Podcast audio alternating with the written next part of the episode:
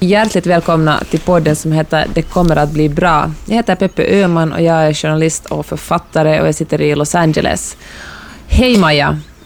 Hej, jag heter Marianne Norgran. Jag sitter i Bryssel och jag jobbar med ledarskapsutveckling och coaching.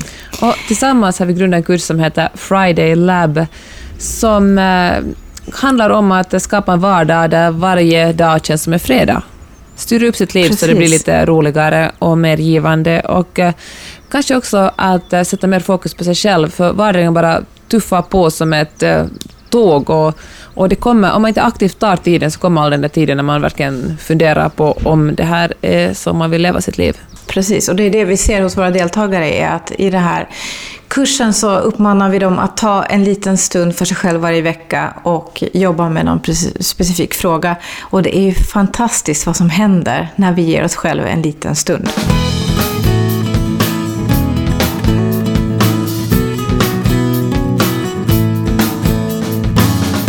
Så vi har ju nu dragit tre och en halv kurs och det är så kul att se hur, eh, hur folk verkligen gör större och mindre förändringar i sina liv.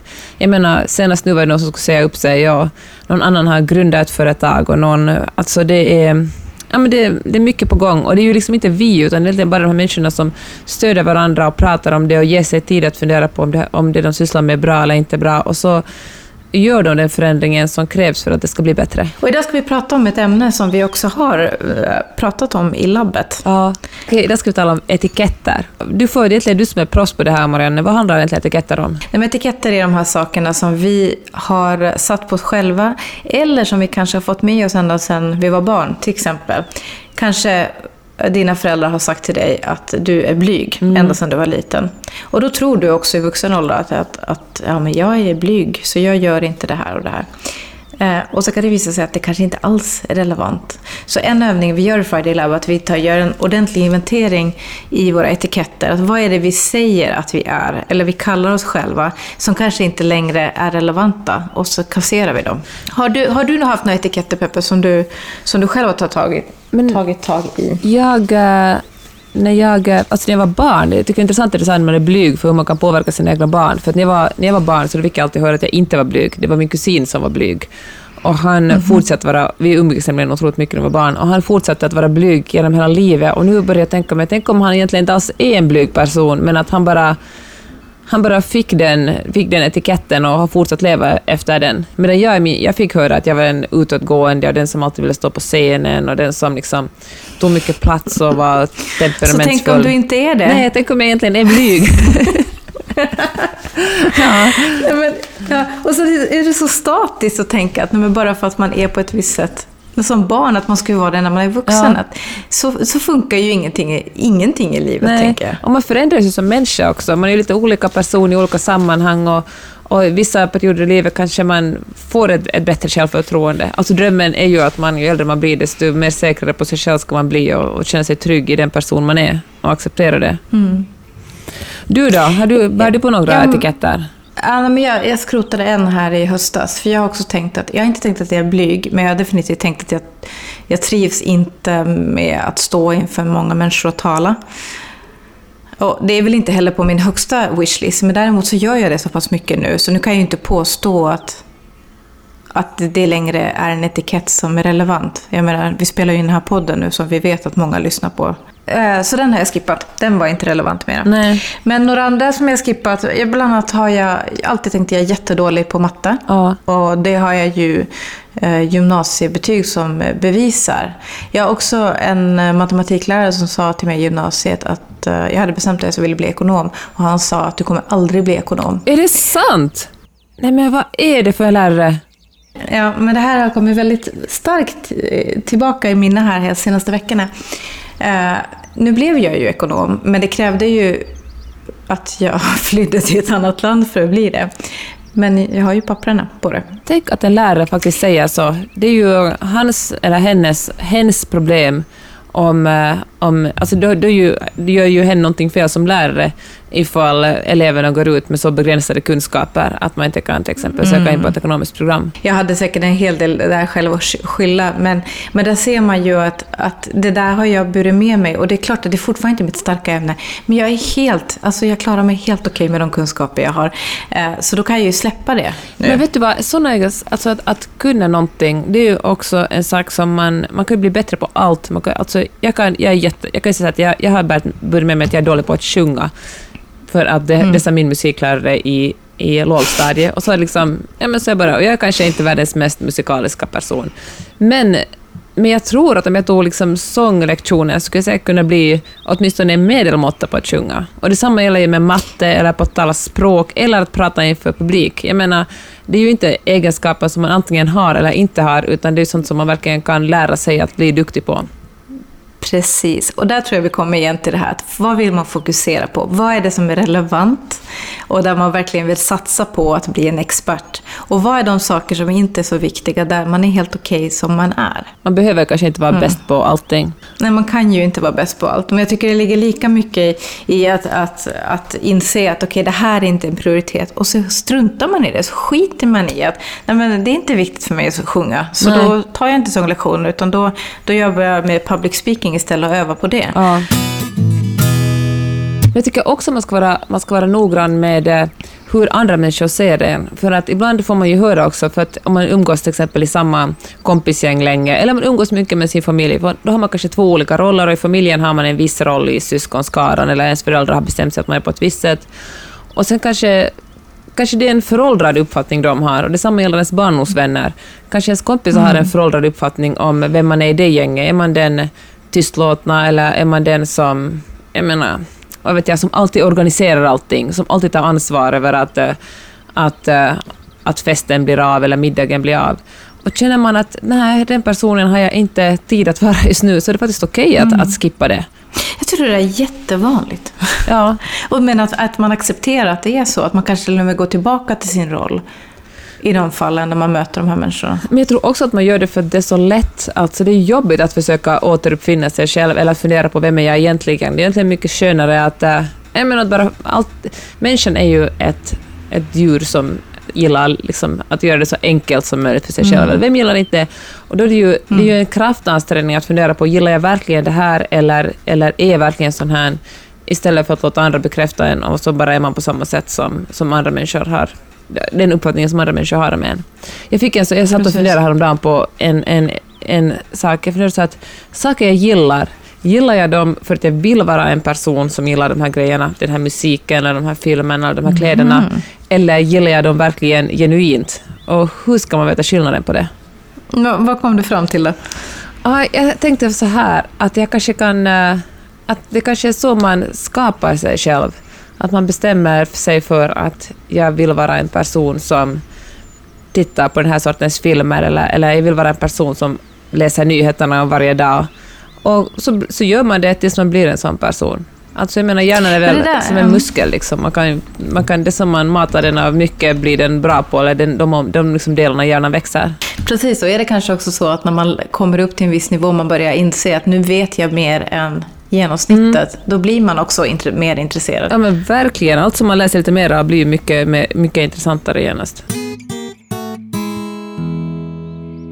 Jag, jag blev bjuden på en sån här uh, farvälpicknick med ett gäng au pair-tjejer, alltså hälften så gamla som jag själv, förra våren. Och de, jag satt och lyssnade på dem när de funderade på att det här med att åka hem efter att ha varit borta ett år. Ja.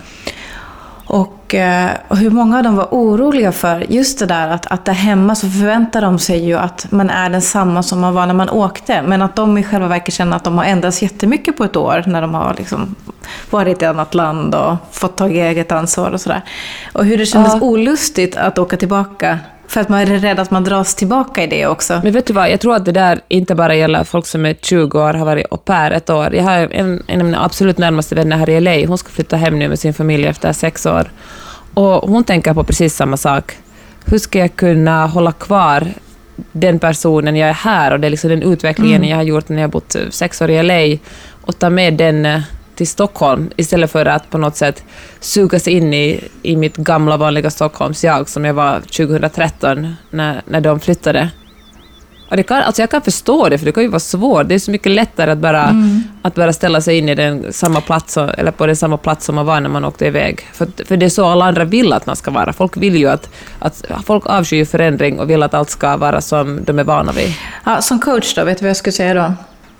Det skulle vara läge för lite ordentlig analys och genomgång. Jaha, berätta.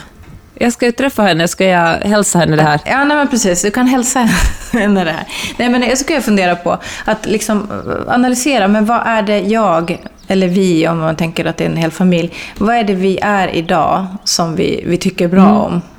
Vad är det vi gör? Vad är det som liksom är utmärkande? Och vad är det vi har struntat i att göra när vi har varit borta? Ja, det tror jag är minst lika viktigt det där. Vem är jag, men också vem är jag inte? Eller vad är det som vi inte gör? Nej, precis. För att jag tänker att om man har det konkret som en bild framför sig så är det betydligt lättare att, att ta det med sig ja. i det nya. Så lite fak faktakoll liksom. Det är ju en, det vi talar mycket om den här podden, men det är faktiskt en fördel med att äh, lämna den plats som man har vuxit upp på eller man har bott på länge, är att man får liksom en... Det är, en, det är lättare att äh, återuppfinna sig själv eller liksom gå igenom vad man verkligen, den person man verkligen är just nu det är svårt att förändra sig när allt omkring en är precis detsamma och det, allt verkligen, och det alla omkring en vill att man ska vara samma person som de är vana vid. Ja, men samtidigt är det ju ganska jobbigt att gå igenom de här förändringarna också. Jag hade aldrig någon dröm om att bli egenföretagare. Nej. Det har inte funnits på min, min vision board tänkte jag Nej. säga. uh, men det blev ju så ändå här för några år sedan. Och hur, hur svårt det var för mig att förstå hur jag ska... Var går gränsen för att vara professionell? Ja. Vet du, när man söker ett jobb och man får en tjänst eller man får en promotion, då är det någon annan som säger att ja, men nu, nu är du på den här nivån, varsågod. Ja, liksom. jag förstår precis vad du menar. Prestera. Ja. Men när man inte har det, då måste man ju själv vara den personen som, som bestämmer vilken nivå. Är man expert? Är man, vet du? Och lite sådär akademiker som man är, så jag tycker det var ganska jobbigt det där att, att gå till en bransch där det är väldigt sådär, ganska hög flumfaktor också. Ja, jag kan precis förstå det. Så jag gjorde ju allting by the book, liksom få certifiering, kolla utbildningarna, att de är rätt och gjort allting sådär. Men ändå så har det, det, har funnits ett motstånd i det. Lite imposter syndrome, att, att kan jag nu verkligen kalla mig det här och vem tror jag att jag är? Känsla. Kan du känna igen det? Ja, men verkligen. Först måste jag säga att du är en otroligt duktig coach. Alltså ju fler Tack. människor jag pratar med som blir coachade av dig så får jag... Alltså jag har ju själv också blivit det, men alltså du är ju väldigt duktig på ditt jobb. Men jag kan verkligen relatera till det där att vem man... Vem ska liksom bekräfta en i ens yrkesroll? Jag har ju jag skriver ju böcker och, och, eh, och, det finns någon slags eh, oskriven regel om att man inte får kalla sig författare förrän man har publicerat två böcker, vilket är ju otroligt töntigt. Men, eh, och jag har, skrivit, jag har skrivit nu, min åttonde bok kommer ut nu i vår, och ändå känner jag sådär att, men herregud, författare är jag väl ändå inte. Jag, jag väl liksom, det, liksom, det att jag presenterar mig som författare i början av den här podden, är liksom, det, det är någonting jag jobbar på otroligt mycket. För det kändes som att, ja men det bara riktiga författare som får kalla sig författare, inte människor som bara hobbyskriver lite böcker här och där.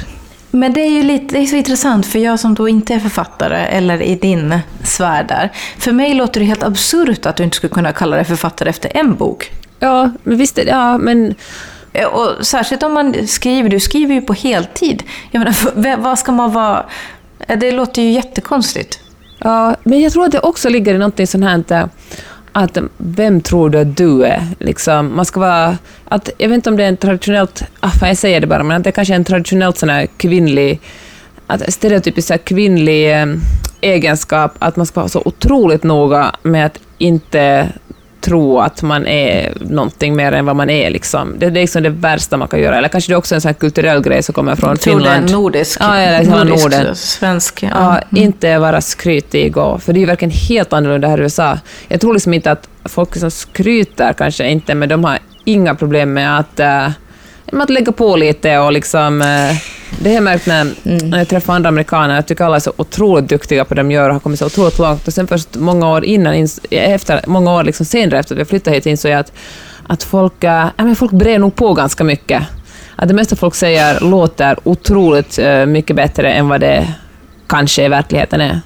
Och förresten... Men det är, alltså nu när du säger det så kommer jag på att jag träffade en kille här eh, förra våren Ja. som han, han ska precis ge ut en bok och han pratade omkring, han var lite i samma bransch som jag och jag sa att wow, Ja. man och icke-skandinav. Eh, det visade sig att det han refererade till en bok var ju en, en e-bok på, jag vet inte, tio sidor sant. totalt, jag vet inte, det var inte många rader text, det var Nej. mycket bilder och eh, liksom rubriker. Men han, var liksom, han hade inget problem Nej. att snacka om sig själv som typ författare. Så kanske, det kanske bara liksom, ska vi börja öva eller vad säger Men du? vet du vad, det är precis det jag tror att man ska göra. Öva på att beskriva sig själv. Mm. Och speciellt om man är frilansare eller egenföretagare. Jag vet att du sa det här till mig före podden, att, att man ska försöka se sig själv ur ett eh, liksom på något sätt från ett tredje perspektiv, ett utanför perspektiv och se på sig själv. Mm. Vem har jag? Vad har jag liksom för, eh, för utbildning? Vad har jag för erfarenhet? Vad har jag sysslat med? Är, det, ver- är jag verkligen så obetydlig, nu kanske är ett för starkt ord, men liksom, jag kanske är mer än vad jag presenterar mig som. Absolut, jag tror det är jättebra att dels kolla på fakta. Vad är det jag verkligen har gjort och vad är det jag kan? Och inte bara stirra på vad jag har gjort just nu, utan också titta vad är det jag har gjort tidigare? Vad är det för utbildning jag har haft tidigare? För jag menar, vi, erfarenheter vi bär med oss, det är ju till vår fördel i allt vi gör. Ja. Så ta ett bredare perspektiv och sen verkligen fakta på bordet. Och sen kanske just fråga, men vad, hur beskriver din förläggare dig? Tycker hon att du är en seriös författare? Ja, det kunde jag ju faktiskt det, fråga, va? men jag tror det. Jag skulle nog bli ledsen om hon inte tyckte det, för, ärligt talat. Och ja, om jag kollar med mina klienter, vad säger de om mig? Beskriver de mig som en professionell coach, då är jag väl en professionell coach. Jag menar, det måste jag ju Men kunna. gud Marianne, det är klart du är det. Ja. Men vet du vad, jag tänkte på en annan sak också, att när man ska att, att vara så här utåt sett så himla ödmjuk och liksom på något sätt eh, förminska sina egna professionella kunskaper, jag tror att det också verkligen påverkar en jag tror att det påverkar en som yrkesutövare också. Jag tror att man blir lite sämre på sitt yrke om man, om man helt enkelt snackar ner det eller liksom inte snackar upp det tillräckligt mycket. Absolut, och det möter jag. Många av mina klienter kommer till mig därför att de känner att de behöver eh, få till en förändring i sin karriär. Det vill säga de kommer till mig som privatpersoner och de är på någon viss nivå och de, ja, de är 40 plus och så känner att nu, nu behöver det hända någonting. Jag måste vara säker på att jag är på väg mot rätt mål. Och då kommer de till mig. Och någonting jag lyssnar ganska mycket efter är på vilket sätt de talar om sig själv. Och ibland blir det extremt tydligt att, att man nedvärderar sina kunskaper. Om man inte tittar på fakta, utan man bara tittar på hur de talar om sig själv, hur de Ja. interagerar med andra, hur de eh, vill få feedback, hur de anser att de vet att de gör ett bra jobb till exempel. Ja. Eh, Så det, det sitter så Men- mycket information i det. Och jag tänker att det är ju saker som begränsar oss. För att om vi pratar om så om oss själva, hur ska de där människorna som skulle kunna öppna dörrar för oss inse att vi är färdiga för det? Ja, precis. Och jag tror också att det finns en viss... Eh, att, att om man, speciellt om man är liksom egenföretag, nej, men egentligen vilken yrkesroll som helst, om man eh, kommer fram med liksom ett... Om, om man signalerar att man verkligen tror på sig själv, att man verkligen är proffs på det man gör, det är ju mycket lättare att få uppdrag och kunder än om man... Eh, inte, om man liksom ger ett, en bild av att vara lite osäker på sin egen kompetens. Nej, men klart det. Och det här har vi också pratat om i eh, Friday Live-grupperna. Det hänger ju också ihop med att ta rätt betalt. Att det är helt självklart att om man lägger sig betydligt lägre än alla andra så kommer folk utgå från att Ja. man är betydligt sämre än alla andra. Eh, och det är, ju, det är ju samma sak här. Så handlar det då om att, att beskriva det, även fast man inte känner sig så redo eller så stark, att man beskriver hur man vill vara och så börjar man agera enligt det. Ja, jag tror faktiskt det är ett jättebra tips. För jag tror att, som jag sa, så tror jag att hjärnan är så pass eh, flexibel att, att jobbar man på det man vill vara så blir man småningom den. Och om Friday Lab, vi håller på att dra den fjärde och uh, vårens sista kurs nu, men det kommer en ny i september. Precis. Och- Eller slutet av augusti, får se när det blir. Ja. Och, eh, men så har vi också vi har massa grejer på gång. Vi har på gång ett community där vi kommer att prata om precis de här sakerna och komma med nyhetsbrev och övningar och uh, små föreläsningar. Det blir jätteroligt. Så har vi också ett eh, retreat i Helsingfors i september. Där uh, lördagen, söndagen är för Friday Lab-deltagare, men på fredagen, ifall man är företagare, så kan man komma på Friday Business Lab, en halvdags workshops, föreläsning och mingel och en chans att träffa andra företagare. Ja, ser otroligt mycket fram emot det. Det ska bli så kul. 20 september är den fredagen. På Hannaholmen i Helsingfors. Eh, Men eh, om man inte är på vår mailinglista så det är där vi kommer berätta först om vad som händer, tänker jag.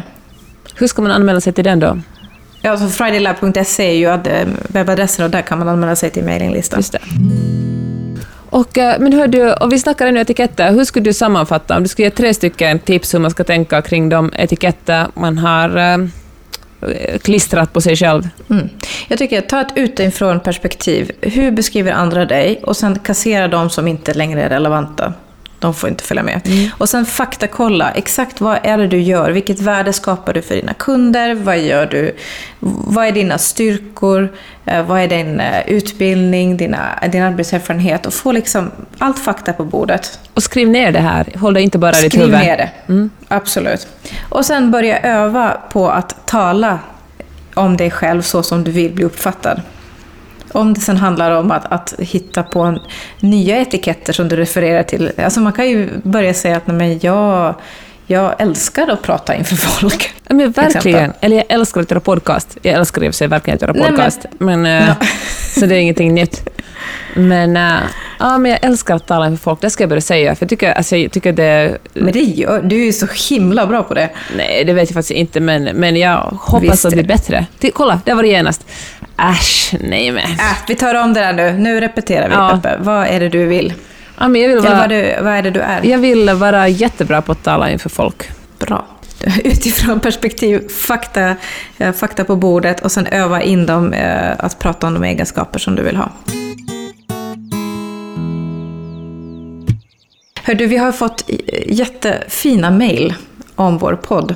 Ja, det är verkligen otroligt fint att folk tar sig tid att, eh, jag vet att alla människor är så, det enda folk talar om hur bråttom de har, och det att någon tar sig tid att skriva att det här tycker jag var bra, är otroligt fint. Alltså det, Ja, det betyder väldigt mycket. Ja, Jag- så det får ni gärna fortsätta göra. Och gärna tipsa någon, någon som du känner som är intresserad av det vi pratar om, så tipsa gärna dem om podden. Och om någon av er är intresserad av att gå på Friday Lab-kursen så det är bara att, att eh, höra av sig. Var ska man mejla då? Eh, connect at fridaylab.se. Så berättar vi mer om det. Hör du, ännu en sak om det att säga snälla saker. Jag lyssnade på en podd som heter Dumma människor som är väldigt bra. Och eh, där sa en av programledarna att han alltid, när han tänker någonting snällt om en annan människa, så måste han säga det högt. Så bra regel. Ja, men jag tycker det var så fint, så det, efter att han sa det, det är några veckor sedan jag lyssnade på den, så har jag försökt göra samma sak. Men du är ju redan så bra på att säga snälla saker, Peppe. Ja. Men jag tänker att det är något som Jo, man... Det, verkligen. det är liksom en egoistisk grej, man blir ju bra av att... Alltså jag tror att man mår bra av att säga snälla saker åt folk. Ja, och jag tror faktiskt att det att man gör det, så visar man en viss självsäkerhet också. För jag tror att största orsaken till att, att människor inte ger komplimanger åt andra, det är att de tänker, men vad, det spelar inte så stor roll vad jag tycker. Vet du Ja. till exempel att gå fram till någon som har haft en jättebra föreläsning eh, och säga det, gud vilken bra föreläsning. Man utgår från att den personen redan vet, Ja, för den precis har ju det. kommit hit och blivit tillkallad och arrangörerna kommer ju Ja. tacka. Bullshit, gå och säg att det var bra. Ja. Det ska jag också inspireras av.